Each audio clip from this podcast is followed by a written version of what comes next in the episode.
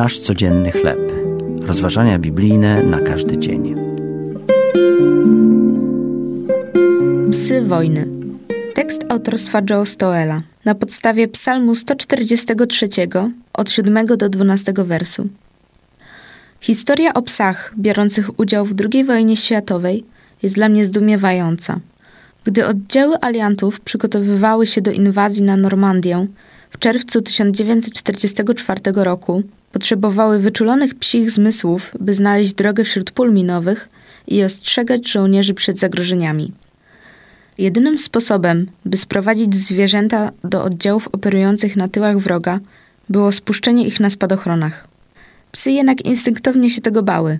Powiedzmy sobie szczerze, nie były w tym osamotnione. Po wielu tygodniach szkolenia zwierzęta nauczyły się jednak ufać swoim panom na tyle, by skakać na ich rozkaz.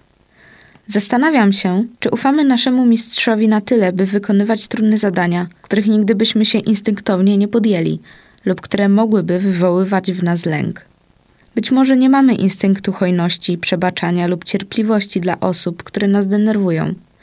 Jezus jednak nakazuje nam, abyśmy mu zaufali. Gdy wykonujemy rzeczy dla nas zbyt trudne, lecz przyczyniające się do rozszerzenia Jego królestwa, mamy mówić: Tobie ufam, wskaż mi drogę, którą mam iść.